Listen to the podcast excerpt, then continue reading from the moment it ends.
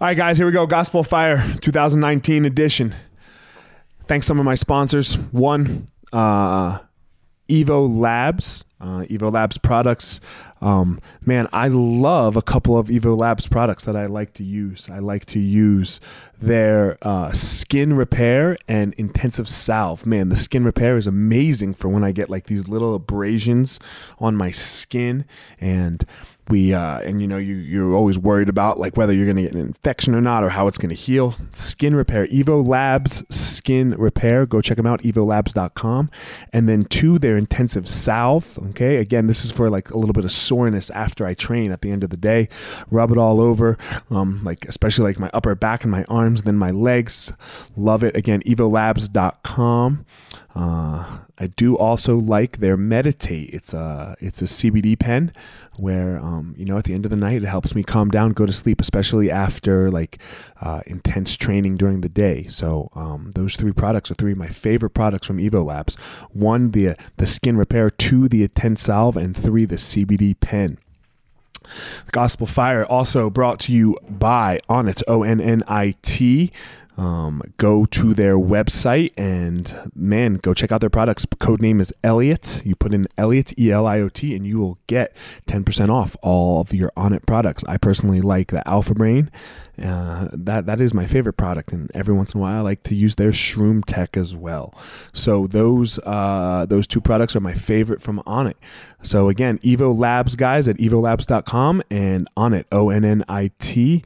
Um, check them out. Thanks for the support of the podcast from those guys, and uh, hell yeah, let's get after it.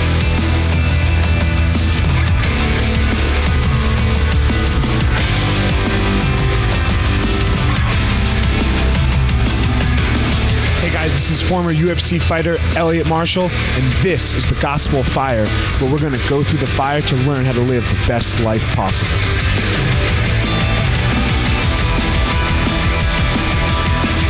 All right, guys, back here for another episode of the Gospel of Fire, and I have Jon Anik with me, UFC commentator, host, all around good dude. What's up, man? How are you? Great to be with you, man. I feel like I should be asking you questions. I should have prepped for this. No, man. There's no prep. I do no prep, and, I, and, I, do no prep, and I do no editing. I don't. Uh, I don't do it, it, I don't do it well. You know, when uh, when I prep and edit, or, mostly prep, uh, I uh, I just like uh, I get like uh, uh uh uh I gotta ask this question like uh uh uh, uh and I just I sound right. like an idiot so I, I, don't I don't prep at all but I'm not going on like the air talking about people and yada yada so it's a little different you guys do a lot of prep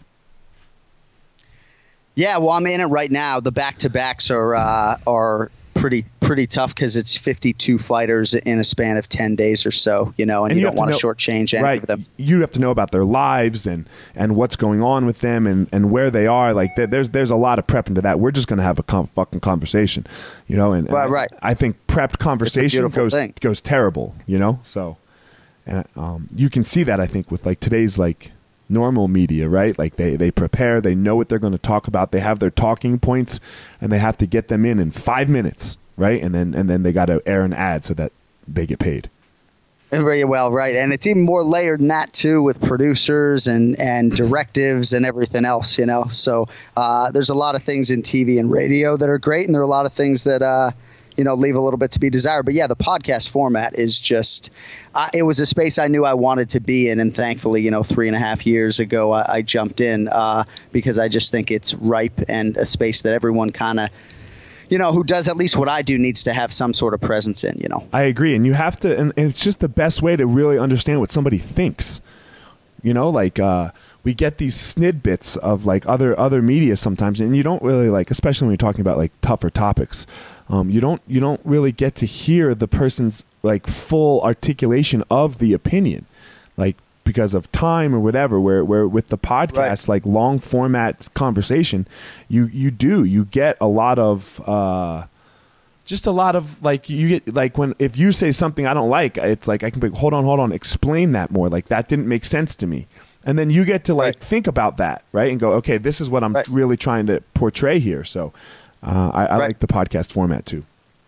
Yeah, and and Joe Rogan says too. What's nice too is that when you get bored, you just say, "All right, man, that was great."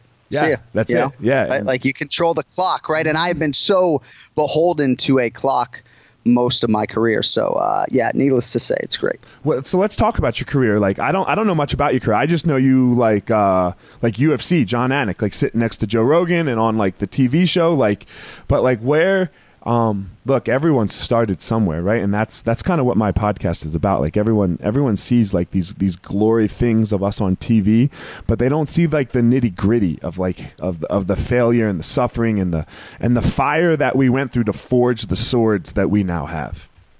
Yeah, man. Well, no doubt about it. I, I, guess for me, it's sort of like 24 years worth of stuff, right? Because I thankfully at 16 or 17, I kind of knew that I wanted to work in sports media or sports journalism. And, you know, I think I went a similar path to a lot of people. I started at a newspaper, the Metro West Daily News, covering high school girls volleyball and, and, how, and boys year wrestling. How, how old were you? 16 you said but what, what year uh, so was i that? was i was right out of college so probably you know i'm 40 now. Fucking a i hope we can cuss. Um, and uh, it was probably 2001 2002 uh, but what i what i found was that i would prefer to sort of articulate myself in a radio or television format that than to be sitting on a deadline carving out copy or editing the agate page in the sports section you know, I think when you get to be an elite sports writer and you can determine where you're going and writing columns, but a, a, a, a newspaper beat didn't necessarily appeal to me. So I, I went back to school for broadcasting and, uh, you know, started in sports radio and, you know, got a few breaks. I remember once sending out like 150 demo tapes, and thankfully the one that bit was ESPN Radio in Bristol, Connecticut, of all places. Couldn't get couldn't get any bites in Montana, but somehow Bristol was interested. Uh, went down for an audition and was there for a while. I was at ESPN all told for six years, but started in sports radio. Eventually migrated over to TV while I was there, and the mixed martial arts stuff really, thank God it happened the way it did. But I, I had a little bit of a boxing background, not as a fighter, but I hosted the Mouthpiece Boxing Show, a radio show out of Boston for, for four or five years. So when ESPN was looking to launch a mixed martial arts show on ESPN.com, uh, I got an audition, I think, because I had some sort of combat sports background, at least from, from a media standpoint. A lot of people in that building did not. And uh, MMA Live on ESPN.com was launched in 2008. We later took it to ESPN2. And thankfully, in 2011, when the UFC was doubling its schedule, uh, I was. I guess in the right place at the right time, and, and, the UFC brought me on, and it's been seven years since then. So, uh, a lot has happened. You know, you certainly need breaks for sure. You just got to be ready, I think, when the opportunity comes. And I guess to whatever degree I was, and here we are. Man, it's uh, it, you said it best, right? Like you, you have to be ready when that break comes. You know, and, and that's that's right. just doing your homework. That's preparing. That's that's like sticking with uh, sticking with it. And, and I think a lot of times people, we we we want that break to come right away. You know, you want that break to like be like, oh man, I've been doing this for six months. I've been grinding for six months. I deserve a break. Right. And nobody deserves anything. For sure. I mean, that isn't that ever the truth, you, you know. know? Like, and I think too, you know, you you talk a lot about attacking fear, and I'm always trotting out your line to my children, you know, be scared and do it anyway. Yes. And I'm not scared to go on television, right? I think performance nerves are a good thing and a performance enhancer. Uh, for us, the anxiety is really in the preparation, to be honest with you. Like once the preparation's done, uh, then you go have fun and watch fights and perform. Sure, but uh, sure. yeah, man, it's uh, it's it's a crazy thing. It really is. I never wanted to be on camera. You know, I want to be 20 pounds heavier on the radio so no one could see me. Uh, but no, it's been fun, and, and you know, I'm just so thankful that I found mixed martial arts in some capacity. Yeah, man. And Thank the, God. The preparation is what kind of makes you nervous sometimes, right? Because like look, if like if they just like turned a camera on, you had to go, like it's okay. It's like a fight, right? If somebody walked in my house right now, like I'm sitting at my sitting in my office, you know, my kids are over there, like in the other room. Um, yeah. Look, if somebody walked in, I don't get nervous to have to defend everybody. Like, it's just right. it's just on. But if if that same guy, if you're telling me that in six weeks, then I'm going to prepare and, and, dedicate my whole life hmm. to this and put all this work in, now we just got a whole different ball game, right? Like that is not the same game as getting in a fight. You know, like getting in a fight, whatever. You'll be you'll feel all that adrenaline after the fight, but like in the moment, yeah. no. But right, preparing is what preparing and knowing it's coming. That's that's where you start to be like, oh fuck, man.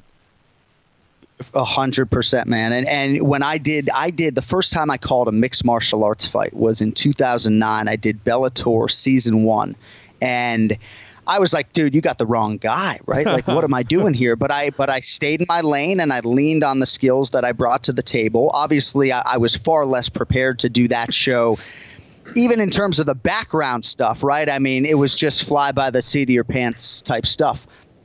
But now the evolution of our preparation is crazy, right? I mean, I talked to 23 fighters yesterday by phone. You know, it is uh, it's a huge commitment, and you don't want to miss anything or or sell any of these fighters short. I think our biggest frustration as play-by-play announcers is that you literally get to 30% of your stuff. So there can be some great story, and especially in MMA, oftentimes there just aren't great windows to tell anything that really has meat or teeth. So that's our biggest challenge, right? Is to fit that stuff in, especially in a three-man booth, and uh, you know, do right by the greatest athletes in the world. So you you you talk to all the fighters now, huh?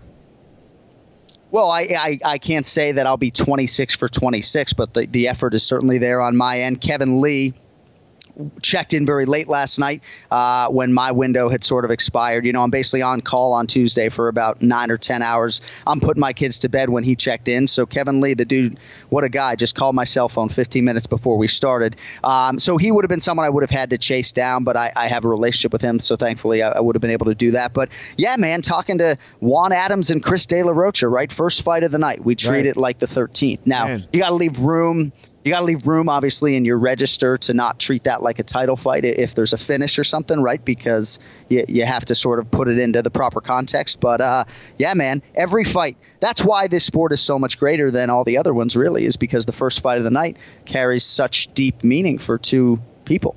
It's it's like no other sport. That that's like and, yeah, man. And you know, it, it's like no other sport because like the third string quarterback, like of a football team, you know, yeah, sure, he probably got some reps, right? he got some reps that week, but he's going to yeah. sit there like headset on, just listening, not really doing much, yada yada. And he's got to be there and he's got to be prepared. But trust me, I know what it's like to be the undercard fighter. I didn't prepare any any less than when like Shane Carwin right. and I fought on the same cards before. I didn't prepare any less than Shane.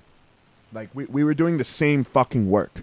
Like he had a full time yeah. job and I pro- and I didn't. So I, I might have done more work actually to right, but but that's that's not always the case in other sports like this in no matter where you are on that card it is the biggest night uh, of the year for you when, when you step into that cage yeah, it really is, and and it's amazing the career swing on one win and one loss, right? And I can just look at the fight card in front of me, and say for Dan Hooker, right, this is the fight. He's he's dusted four guys to get a co-main event against Edson Barboza, who might be the best striker in the sport in any division, right? And this is the fight. And if he doesn't beat beat Edson, it's not that he can't go on to become champion, but it can amount to a two and a half or three year setback, especially at 155 pounds. So the stakes for me are massive and that's what gets me in as as a stick and ball sports fan that I was my whole life right? That's why the NFL I think for me will always be king and the NBA regular season right now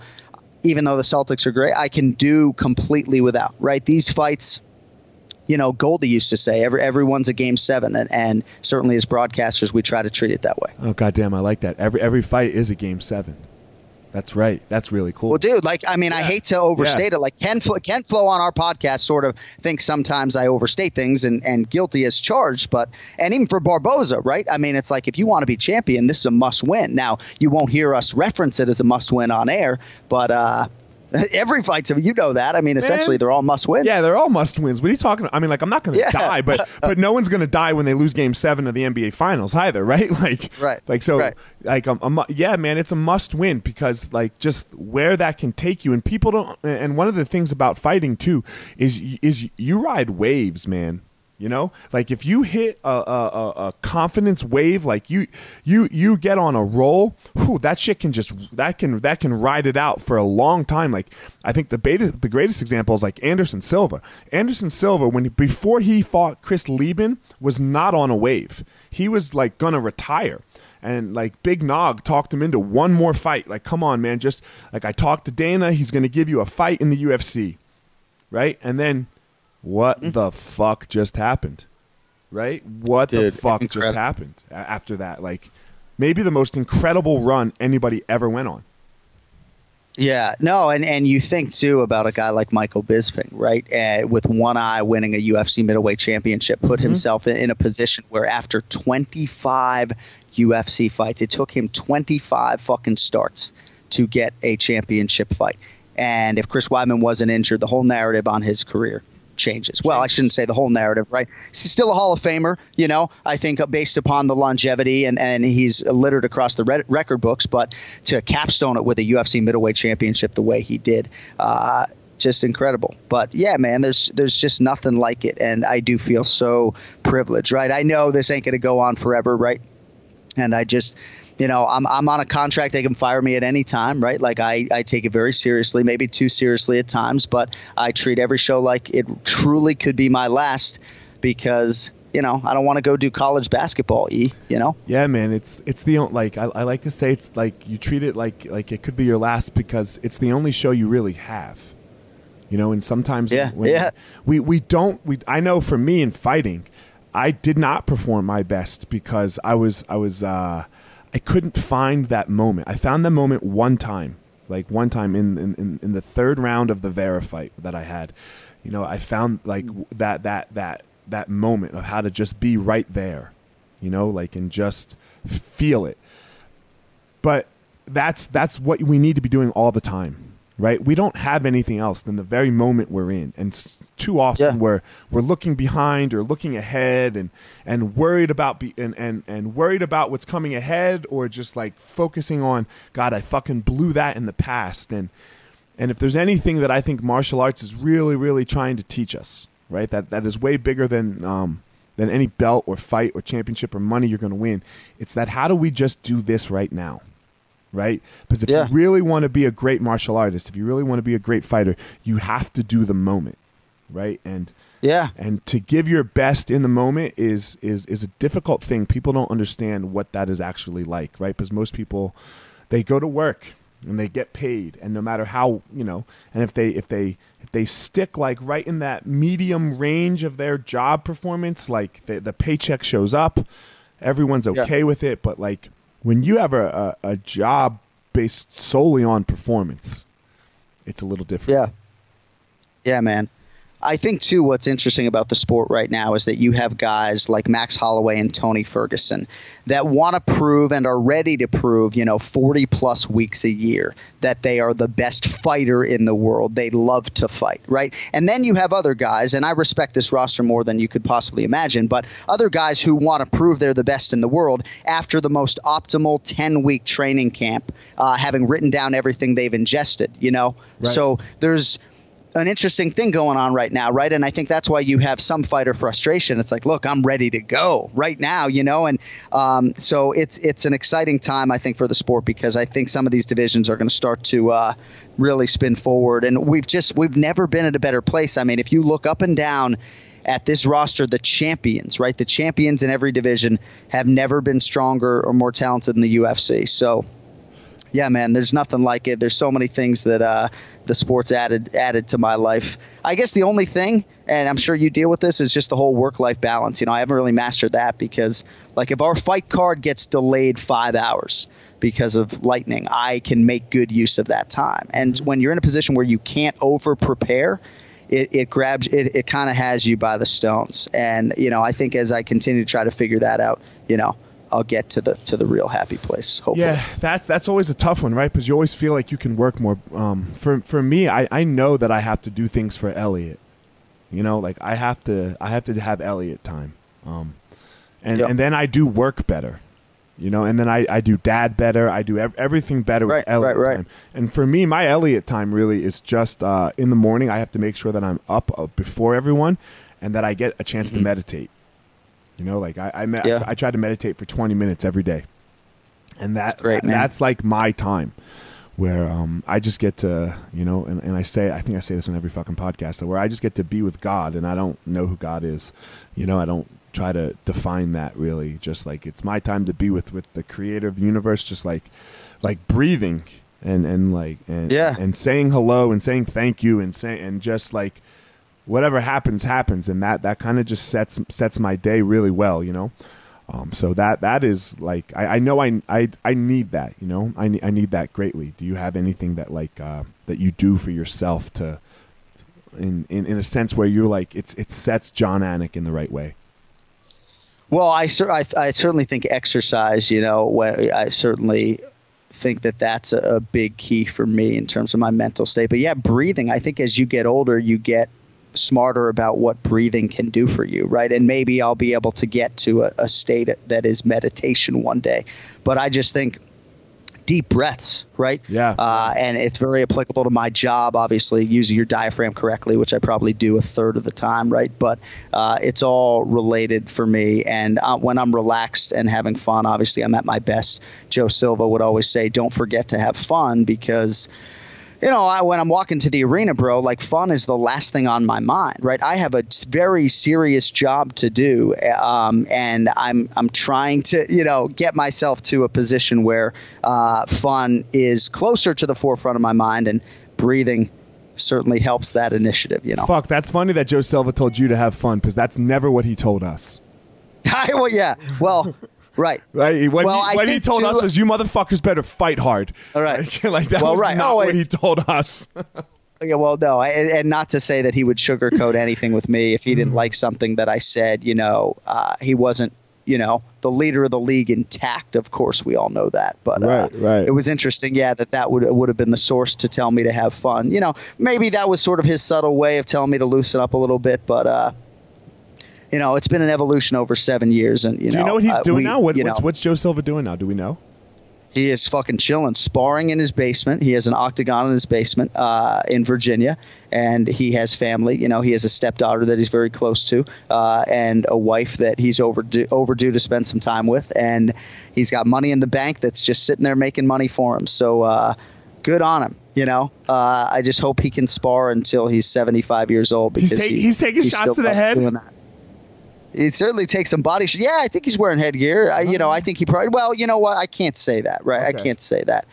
But uh, yeah, I mean, he certainly uh, sustains injuries that you know it's physical enough for sure. Damn, fuck yeah, good for him, right? Because he for sure, he for sure made the help make the UFC what it is, you know.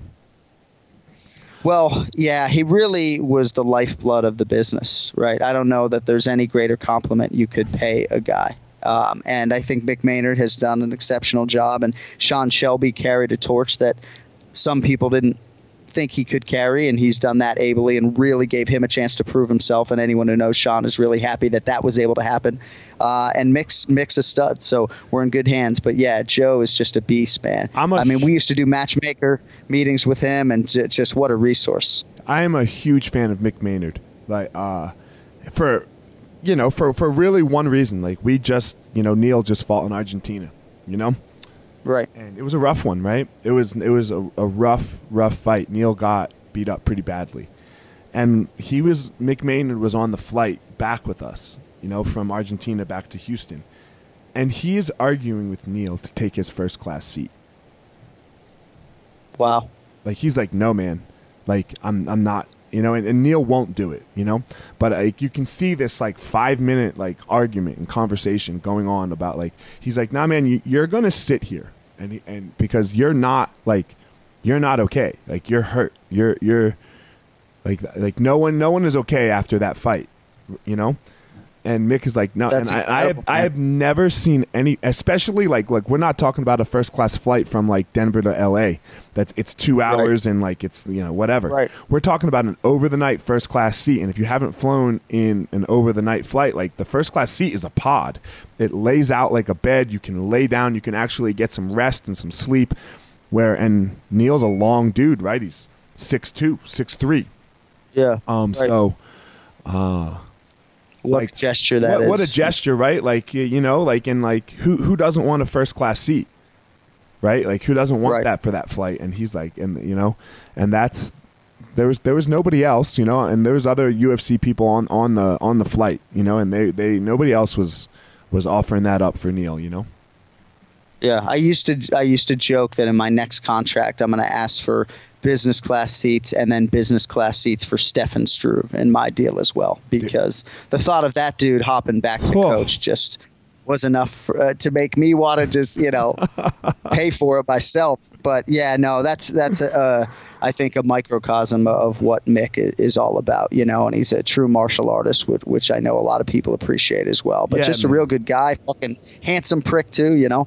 Uh, so no, we're happy for Mick, and we're happy to have him. Sounds good. Yeah, man. I always like uh, I don't know. Whenever I fly across the seas, you know, on the for fights, I try to uh, I try I generally do my very I, I do a lot of work to get a first class seat. Like I am on the phone, like kind of like Right. moving and shaking the whole time, like Yeah. like, like before camp to uh to get that first class seat because I'm a big guy too, right? Like in in 20 Right. hours on that flight, like I can't imagine Stefan Struve because I know what I feel like. Like I'm wrecked. Like I'm wrecked Yeah, man. on like for a couple of days. So, um, and then defend depending on the like result of the fight, if if I do it on the way back too. So, um, but Yeah. uh, that's you know that's that's a different topic for a different day. So, what I want to talk, man, what a performance by Max Holloway this weekend, right? dude. I mean, this is the type of performance that you go to dinner, you keep talking about it, you go back to your room and you rewatch it for us, right? And that's not always the case after seven and a half hours on a headset. What a fucking animal, right? And I just think it speaks to the fact that the sport has never been in a better way, right? This is an all timer. And I don't know which win you want to point to as his signature win now because he just continues to pile them up.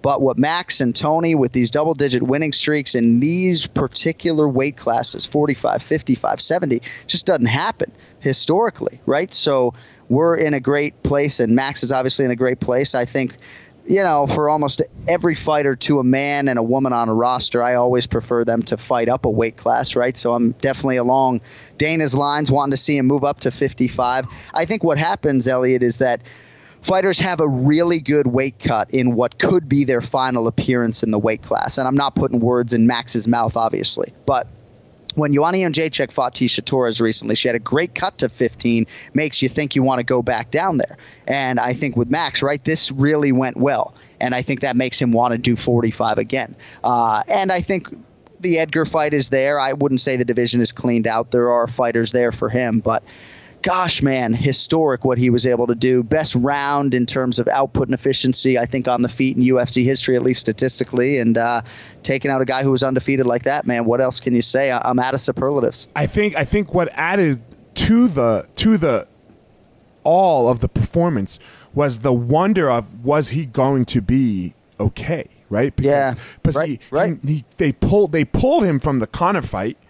Oh, I'm sorry, the Khabib fight, which was a weight class higher because of a weight issue. Right. Right, or, or I, I Right. mean, I don't know if we really know, right? And then we all saw that Michael Bisping interview. Man, I have I have never seen an interviewer ask the interviewee are you okay? Like, are you high? Are you sleeping? Right. Like, you've never seen that. So when you when you watch that interview and then you hear about this concussion thing, and it's not like he got hit yesterday, right? Like Right. that's that's something bigger and longer. And and Brian Ortega looked like a fucking killer, right? Like nobody did. Right. Nobody's Right. done to Frankie what what he did to Frankie. Like, like he looked like a fucking killer. And you're just like Oh. wondering, and then the way that Max came out like right away, you know, and like no nothing. Like he even took some shots in that first round. Like put his hands up, was like, see, see, homie, I'm good. I'm I'm good, bro. Oh. You know, like you you got nothing for me here.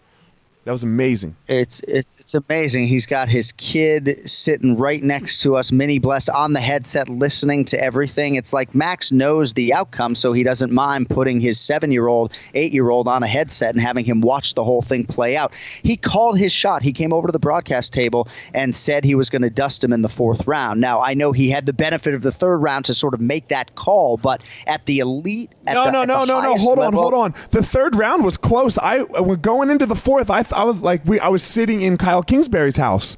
Um and I was like I agree with you It that it could have was- been 2 to 1. I don't know. It could have been 3-0. Like I could see somebody giving that I to agree. Max, but it could, but if I think that's okay. I looked at I looked at those guys. I was like, guys, I was close, huh? Like we were all just sitting. There was a small group of us, and we were like, yeah. And they were like, yeah. I was like, if I was Max's coach right now, I would tell him it's two one. Yes, for sure. But at that point, he had the data, is what I'm saying, of that third round. He took Brian's best shots. Uh, that there were some hail marys in there too that did land, right? But at that point, he turned it on to such an extent that at, to be able to do that at the highest level, that fourth round, eh, this is a championship fight. To come over and suggest you're going to do that and then go out and land a, a record-breaking number of, of punches uh, and strikes, I, I just he is an absolute freak, you know. And I, you know, I know everybody wants to fight him right now, but you know, best of luck with that guy, man. I mean, you have to, you just got to separate him from consciousness, Whoa, I guess. whoa, I don't whoa. know. Who wants to fight him? I mean, everybody wants to fight me, bro. I'm an easy fight. nobody wants. Yeah. Nobody wants to fight that. Fuck that. Right. Well, I- right. I'm, I I'm mean, sure people yeah. are. I'm No, sure people are hear you. calling him out. He's the champion, right? But that, you know, but Right. fuck, who wants to fight that guy? Man, no fucking way. Yeah, man. And, uh, and I gotta say too, just because I and I sorry to cut you off on Yeah, your own go. goddamn show, but like Mark Henry watched so much film on Brian Ortega and Max Holloway because he prepared Frankie Edgar for Mm-hmm. both guys. And with all the respect he could lay at T City's feet, he was just blown away at the discrepancy in those two guys. Right? He just saw such a big gap in skill on the feet, and uh, everything he said, you know, largely is the way it played out. there's levels to this shit, right? There's levels to this shit, and Brian Ortega is at a very, very high level, but Max gets another very in there. He he's you know he's uh, you know Yeah, one more yeah. very, and that's the level that Max is at. Yeah. that, that that that most people I don't I don't think reach. You know, like he's he's approaching. uh Anderson, Jon Jones territory. Like, uh, with all due respect, I disagree with you. I don't think Tony Ferguson's there yet. I don't think Tony has that that signature win. You know, where where Max has a couple. I think Tony Ferguson has some big wins, without a doubt, big wins. Yeah. But he still needs that signature, right? He needs something to like to just like give a little a little cherry kiss on top. Yeah, no, I absolutely think that is fair. And there have been some interesting circumstances when it comes to Tony Ferguson's legacy. I guess the reason I put him on a pedestal is because in the modern era, right, which in some ways is equivalent to the salary cap era in the NFL because it's the best the league's ever been, right, but with restrictions. For Tony Ferguson to be the first man to produce a double digit winning streak at 155 pounds, which to me has always been the deepest division, that is saying something, you know. But you're right. I mean, the Kevin Lee win, the, the Showtime Pettis win, it, it's not that signature win that I think his resume is missing. They're so wins. I, I agree with ones. you there. They're good ones, right? I, I man, so God, I hate this. I, I don't know. What, I'm sorry I even did it. Maybe. I, I hate the like comparing greatness, right? Like just like I hate like Right. comparing people suffering, like oh I'm suffering more than you, and, and like like look let let's just get over that. Like Tony Ferguson's amazing, like amazing, amazing, amazing, and nothing away from the guy. He's fucking amazing. I don't want anyone to to to take that take what we're talking about right now. Is like oh god they're talking shit. Eliot's talking shit on Tony Ferguson. I'm not fucking talking shit on Tony Ferguson. The guy is hmm. great. I'm just putting Max a little touch ahead of him. Oh, and I absolutely think that's fair. And for Tony to take an interim lightweight championship fight against Max Holloway, I think it's for the fans, right? And because there seems to Oh, be this shit. Little hold up happening? at 55. No, Oh. but Khabib and Conor. So Khabib and Conor are in a holding pattern. So you Right, have guys like Dustin suspended. Poirier, you know Poirier and Frankie Edgar and Ferguson. These guys want to fight, and for Max Right, right. Holloway, he tried to save the pay per view in Brooklyn in April and fight Khabib on short notice. So he has that in him. As I mentioned earlier, 40, 45 weeks a year. He can do the 155 pound thing. He needs a few weeks, right? I, because he's a guy who does get up to 190 or whatever, but you have guys like that who can who can save fight cards. It's of huge value, and I think for Tony, his fight, his next fight should be for the undisputed title against Khabib, right? I mean, like enough is enough, but you can't convince a fighter like Tony to just sit and wait for that at that Right. point in time, Right. right? So, but God, if I was in his ear and in his inner circle, I would be like, dude, fight Khabib for the undisputed title, even if you got to sit for nine months. But I'm just not sure that's in his DNA. Yeah. What do you think? Like, I don't. I don't like interim titles. Like, like Khabib just won, right? He he just won. He's probably going Right. to hit a six month suspension, maybe nine, Right. right? Maybe nine. Don't put an interim title out there. Like, I really hope they don't do that. Like, I get it. Well, maybe, it's maybe that, tricky. I mean, I get maybe that, that like gets people to buy the pay per view more because they they see a title fight, but just as. mm, I don't. I just don't But like see, if it. people saw it, if people saw it through the lens of a fighter, right, and some sort of championship opportunity, even though you're not getting pay per view points, and it isn't necessarily financially super rewarding. But for somebody like Tony Ferguson, right? If you're Tony or you're Dustin, but let's take Tony. He can't fight unless there's some piece of gold on the line, right? He's accomplished too much. So you have to do something to pacify Tony, right? Like for I, that, and that I think is, is part of the equation too. Like, yes, maybe did, it helps though. move. He just fought with, with no gold. Well, I understand that, right? And in that instance, coming, you know, stripped of the interim belt, came back from a, a huge injury. I, I can understand why it was a non-title fight, right? But now he just picked up where he left off and dusted Showtime like that. So the next one absolutely has to be for a title, you know, unless you're going to guarantee the guy two million to show or something like that. Then he needs to sit and wait. I agree with you. So I, I Well, just, that's all I'm saying. Like, yeah, I don't like the the- interim. That's a part of it. But that's his choice. right. That's his choice. If he doesn't the- want to sit and wait a couple too- months, then then you don't get like like if I, I get it. He wants to go fight. He's a fighter. So then you have to fight for no gold. Right, you have to fight for no belt. If you want to do, if you want gold, then you got to wait for the champ because the champ is, Yeah. like, look, the champ fighting once or twice a year. That's twice a year. That's not unreasonable, right? Like, that's not like uh, an unreasonable thing to ask from a champion, like to just to fight twice a year. Like, I think that's, I think that's okay. Do you agree? absolutely. So, like, um, man, and, you know, he just fought. When was that? September, October. October sixth. So he's going to get suspended from that date. Correct. He's not going to get suspended. You know, Exactly Ret- So he's going to get he's going to get a six. Like what Tyson get for biting Holyfield's ear? Like six months or some shit, right? Yeah, yeah, yeah. know, like he did not do anything worse than bite a man's ear off. Like it wasn't good, Right. but like so he's going to get a six month suspension, ten to twenty percent of his purse, and That's where we're going to be. So that's going to put him, you know, April, April, May. That's that's reasonable. That's reasonable. We don't need an interim belt. I absolutely agree. I think again, if you go through a Dustin Poirier lens, you say, all right, you know, they have their hearing in early December, and then we'll figure out what's going on at lightweight. Now, I know he had an injury, and, and that's another story. But then all of a sudden, it goes from December 7th to January 29th, and you're Dustin, and it's like, fucking A, man, right? So that's why he goes and calls out Tony. And you're right, Dustin doesn't care about an interim belt, right? Because he, he was doesn't never have champion. Tony's resume. and he was never Right. a champion. Like Tony has a very big claim to the actual belt. Right? 100%. Like, like, so that's the only reason that you're you're like you were saying he has to fight for gold holds holds some substantial weight because but Dustin Dustin never has one. Dustin doesn't have one. He can't Exactly. he can't make a lot of noise about like I have to fight for the title yada yada. Tony can make some Right. fucking noise.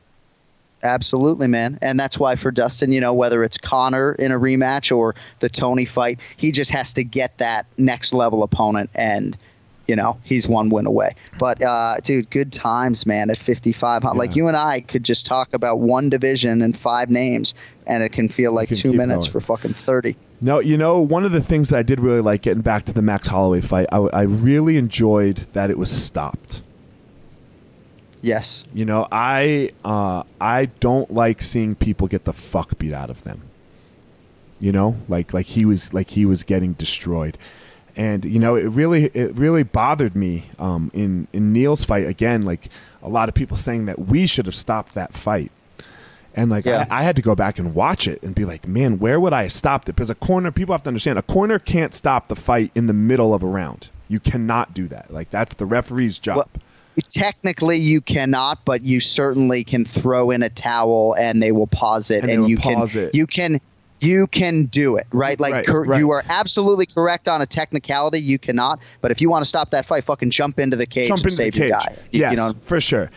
Um, and even rewatching it, I never like look twenty seconds before he got knocked out. Neil, I'm talking. Yeah, sure, it was obvious he was going to lose, but like, you can't do that to the guy, right? You know, Right. you can't do that to the guy. Um, so when I went back and watched it, I didn't think that you know if he would have come back to the corner for the fifth round, if he would have survived that barrage, and and took a, more of a beating, I pro- we I, I don't know what we would have done. Like that, that that's always hindsight because he like was not walking Right. and standing. But Neil is a comebacker as well. You know, like like Oh. I mean the, the the beating he took from Hector Lombard to come back, the, the referee could have easily stopped that fight. You know, Right. his fight in the Philippines, like the referee could have easily stopped that fight, and you know, and he didn't. Right. So like those are hard decisions, but I think, but like why not not seeing Brian Ortega take unnecessary damage, I think was I was really excited for that. I I hate seeing people Whether I know them, don't know them, I'm, we're not in this to hurt each other. Even though we are in this to hurt each Yeah. other, you know, it's this. It's a weird dichotomy. So I was really happy with the fight that the fight got stopped. And I'm glad you linked it to the Magny fight, right? Because you got to know your athlete, as you guys certainly did in that instance. And I think we talked about it on our show a little bit. Um, but if you were Rener Gracie or James Luhrsen, right? Do you stop that fight? And I think it's so much easier said than done for a corner man or woman to do that. But the only way to affect change is if people just do it and nobody does it no corner man does it you know i can't remember the last time i saw a corner man Trevor, stop Whit- fighting the Trevor UFC. Wittman did it with Nate. yeah so that stopped- was that was yeah that was the uh, but that was one of the only times that was a great it was a great decision because Nate was done. Yeah. you know, and Right. but it is hard, right? Because your fighter is not going to be happy with you. You know, Right. not going to be Right. happy with you, and I can only speak from my uh, experience with with like in this last fight with Neil. Like in in between the third and fourth round for Neil, Neil is looking at me clear as day, saying, "Let's go, Eliot, let's go," and he is with it, and- and his eyes are i mean okay he couldn't see out of the one eye because he got punched but like he was not in like this like oh god. Like there was there wasn't you know there was a cutman in there for a little bit of blood coming out of his nose you know but it wasn't like this beating that he was taking. Like he was losing he was definitely definitely losing. What what was look you're educated about the sport. What was your take on that? Like should i have stopped that fight in between the third and the fourth round?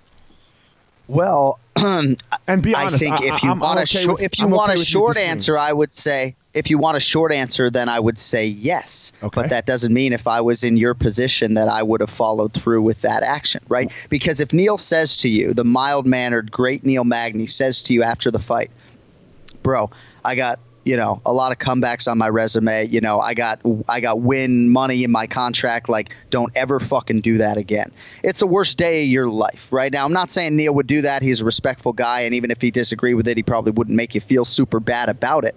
Um, but I just have a broader view of it in this in the sense that until some of these high profile cornermen like yourself you know, aren't afraid to make that. And I'm not saying, you know, but or just do that like a Trevor Wittman did that, then I just think uh, it just never happens, you know, it never fucking happens. so uh do you mind talking about it a little bit more is that okay you good with it Of course, my man. why what would have made me stop like look we can't look at the fact of how bad the fourth round went because the fourth round round Right. went really bad right like and he ended up face first on the canvas right like he was barely walking um but Right. up until that point up like in between the third and the fourth round he hadn't even been dropped yet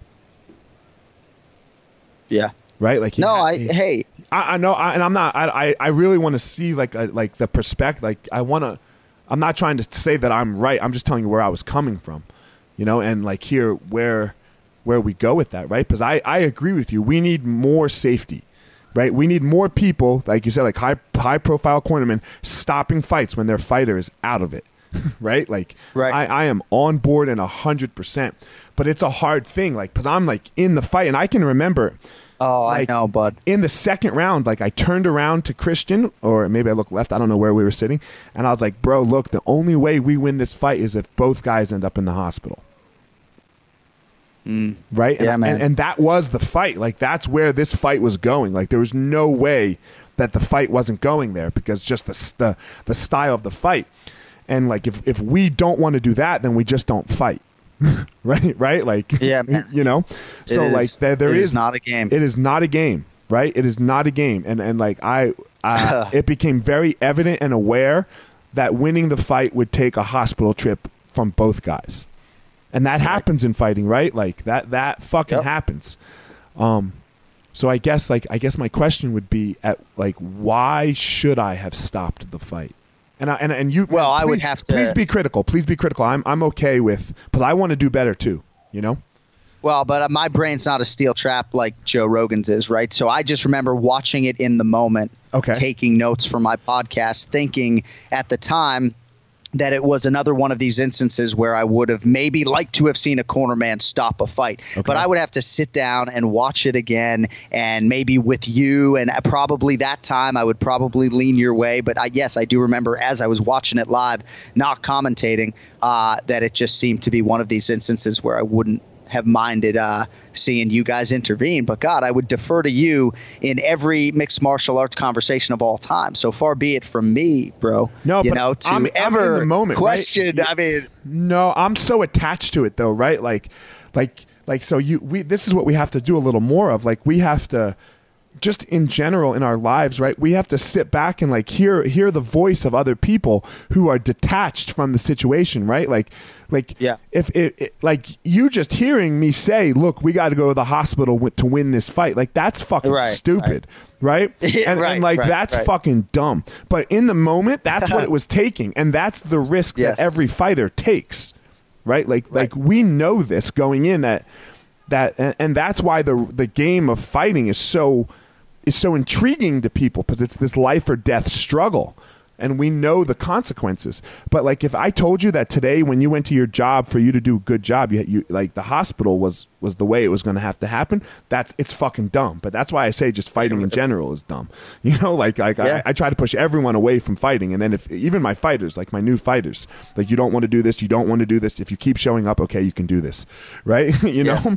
Yeah, but right. like so i have to hear other people's perspectives. Uh, that that i um that i respect right look i'm not going to listen to the fucking internet right like Yeah. i'm, I'm not gonna, Yeah. you know i'm not going to listen to that but i'm going to listen to jon anik and kenny florian and um you know like everyone wants to talk to joe rogan on his podcast but he's a god right so um like you have to Yeah, listen to I- these people and, and see what uh see what it, it is you know and see and get their opinions of, of that and, and then and then see if you can do better yourself so yeah you can tell me man i, I i'm Well, you know, hey, I appreciate it. I think I'm so close to it though, in a different way that I'm almost like, you know, the parent to these fighters, right? Like I'm mm-hmm, not at all, mm-hmm. but it's like I get to know these men and women, so it's like I always just want to see them not get hurt, right? It's, I think it's a very unique thing for a lot of us UFC staffers who, and there are staffers who do more shows than I have done, you know, but like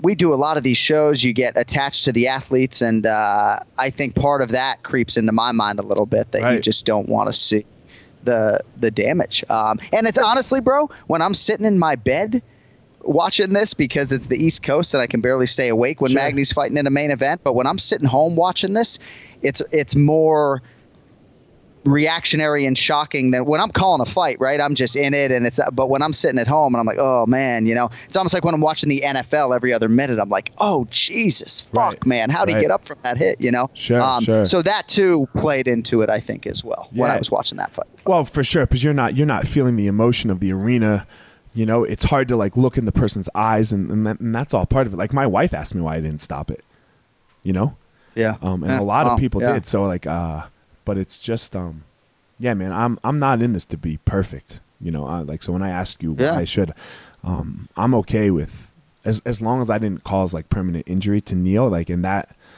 like you know, I think it was bothering me for like a week, you know, and not not so much that he lost. You know, we're gonna win, you're gonna lose, like you Right. fucking like Right.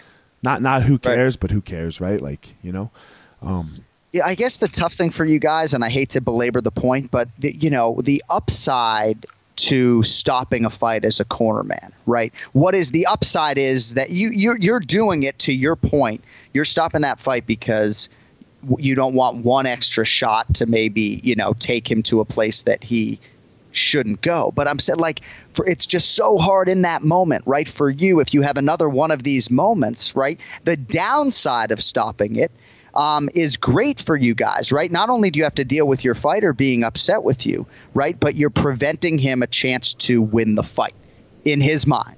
It's brutal, man. Like it's it's absolutely brutal. And you know, I have a lot of respect for you guys, no matter what, for just having to make that decision and being convicted in it. You know. Yeah, it's, they're tough, right? Because like, I mean, I can, I mean, I think I had two fights in a row like that, like Cory Sandhagen's fight with Alcantara. Like, holy fuck! Like his arms popping, his face is getting Mm. Yeah. pummeled, and you're like, damn, is he gonna Right. get out of this?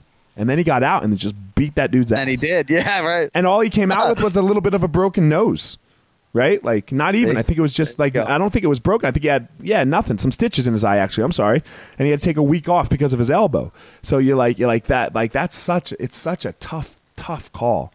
You know? Yeah. And You keep doing your but we got to do better. We all have to do better, you know? And that's kind of You know, I'm, I'm, you know, I, I always wonder how I'm going to get to this point in my podcast, but we do because, um, Yeah. the, like the whole point of my podcast, man, is to understand that none of us are special. We're all kind of unique. Um, we all have this struggle that we go through in life, and we do things better with conversation, you know, and like talking to people and really, uh, and really getting getting to know someone and, and spending some genuine time with people and being vulnerable with them, being authentic and and like and like and like uh, touching somebody else's life. It's great. It's great, and I think MMA is such a great conduit to get to a lot of different points of conversation, right? Like even for. Joe Rogan, the greatest, the greatest podcaster of all time, you know, launched an MMA podcast, right? Because he just likes talking about this stuff so much, right? As we all do. it's so raw, right? Like there's there's no hiding in there, you know, where the, it's just it's just one one person against another, and it's got all these backstories, and you can't get away from it, right? Like there's no there's no hiding of the emotion, there's no hiding of the intensity, like there's the, you it is just the the uh the, it the like the slogan is it's as real as it gets is the truth, you know. Yeah. It, it, it, there is nothing great. There's a reason.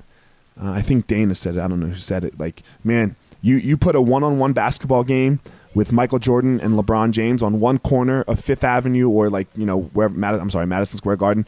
You put like, you know, some two other great sporting guys like on one corner, and then you put two bums fighting on the other corner. Everyone's gonna go watch the bums fight because Yeah. there's just something about it that like we all want to see. We all want to be like, God damn, what's gonna happen over there? You know, there's something about 100%. fighting that just goddamn catches the human soul. Oh yeah, right. Even when you're calling a UFC fight and a fight breaks out behind you, there's a, an appeal. You know, Yeah. so it doesn't happen that often, thankfully. Thank, yeah, thankfully, you know, um, like I, I can remember I was, I mean, somehow I was delayed on the Conor Khabib fight. You know, uh, I was in Hawaii and I was watching it on the UFC app. So, and my, Right. and I didn't know I was delayed, and my friend was texting me. He's like, "Holy shit, what the fuck?" And I'm like watching it, so I'm like 20 seconds delayed. And I'm like, "Bro, what's the big deal?" You know, what's what do you what do you what what do you what, Oh, what my you- God, I'm yeah. like, what do you what the fucking bro? It's just about to be a rear naked choke for the end. You know, I'm like, and then it ha- and then the end happens, and you see Khabib like, you know, he's got like ten seconds of like just like yelling in the cage, and I'm like, what's your deal? And then I was like, oh, oh shit, and like, oh, oh shit, right? Like, you know, because like when fights break out, they're intense. Oh, that was crazy. Were I you- mean, were, we were just there for that? Did you call that fight? Yeah, yeah, we just uh, you know, you go from calling the the biggest singular fight in UFC history to calling a brawl. And so I just called it until, you know, they told me not to. I just I don't know if that was the right move. Just to sort of give it attention, you know, and eventually I think we we panned up and got away from it. But yeah, man, I'm just reacting. You went from calling one fight to another. Yeah, man. So, um, well, Jon, man, I really appreciate you coming on. Um, tell everyone where they can like reach you. Uh, I know you and Kenny have a podcast, and then like you do your own social media and things like that. So tell everyone where they can reach you. Well, my pleasure to come on. I appreciate you having me, man. You got a great sound and a great thing going, so thank you for that. Uh, Ken Flo and I have the Anik and Florian podcast. Uh, new episodes are out every Monday. Been going about three and a half years, and uh, that's about it, man. You know, I'll shout out my jujitsu coach Pahumpa just because of this audience, even though I've only been to six classes. And It's I don't know what my zero. jujitsu future holds. It's more but than it's more than zero. zero. It's more than And, zero. you know, you and you inspire me in that capacity. But I'm gonna go play basketball with my twin brother instead of going to jujitsu tonight, and I hope you'll respect that. Hey, But man. I, but I love you, and I appreciate. Everyone's got to do their thing, right? What makes you happy a Ha! little bit, right? You got to play some basketball for sure. I get it. So, It's my um, Eliot time, you know. hell yeah, that's right. All right, man. Thanks for coming on. Pleasure, bro. Thank you. All right. Hey, man. Uh, I uh, I have a book coming out in February, and just Wow. ki- kind of a yeah, just about like uh, I had a I had a solid uh, breakdown. I call it breakdowns that spiritual awakening, um, and I kind of just wrote a book about how how we handle those things and how we do do life a little better. Um, so if you, I would love to come on your guys' podcast and Yeah, just kind of like let's spread that message and like uh like this like this togetherness a little more rather than than than this separation that thing that we got going on. I love it. You just get in touch with me whenever is the timing that you want, and we'll put you on that very week. I appreciate it, man. Thanks for thank you very much, and thanks for coming on. I will send you um, I'll send you the link and everything when it comes out, and then uh, when this podcast comes out, and then if, if you could share on social media, that would be great for me too. You got it, my man. All right, man. I appreciate it, and uh, enjoy the fights this weekend, bro. Thank you, my man. And Have hey, a great day, man. I, I don't take any offense to you like saying like that you disagree oh. with me. Like I, I want to hear that. Oh yeah, you know, like I dude, I'm too much of a fucking pot. I'm too much of a pothead to fucking remember what right. the hell happened. You know, I just remember that when I was laying in bed, I was like, oh Neil, you know. But I'm a pussy too. Like I get attached to these guys. Uh, you know, it's like so. No, I felt that way this weekend for sure. I was like, "Oh God, please stop it! Please stop it! Please stop it!" You know, right? Yeah. But right, like in right, the moment, right. Rener's like, "No, come on, let's get your eye down," and I get that too, right? Like, so I'm not like, yeah, like it's a, it's a hard thing, right? Because like I'm not in that moment. So, but yeah, you can. Yeah. I'm always down for like actual constructive criticism from somebody I respect. So I appreciate it. Cool, man. Well, we'll talk to you soon on our show. We'll probably ask you about that that time too. So it'll great. be no fun. Worries. All right, man. Have a good. All right, one. buddy. Have a good yep. day. Bye. You too. See you. All right, guys, thanks for listening to this episode of The Gospel Fire. Don't forget to check me out on all of my social media at Fire Marshal 205. Again, at Fire Marshal 205. Go to my YouTube channel um, Fire Marshal 01, that is, for YouTube, where you can follow. I'm, I'm, making these videos 100K strong. That's the goal for the year. I want 100,000 strong listeners to the Gospel of Fire. So I'm making, trying to make a video a week so that you guys can follow along on my journey of, of how I go about my day, some things that I talk about, some things that I try to work on for myself.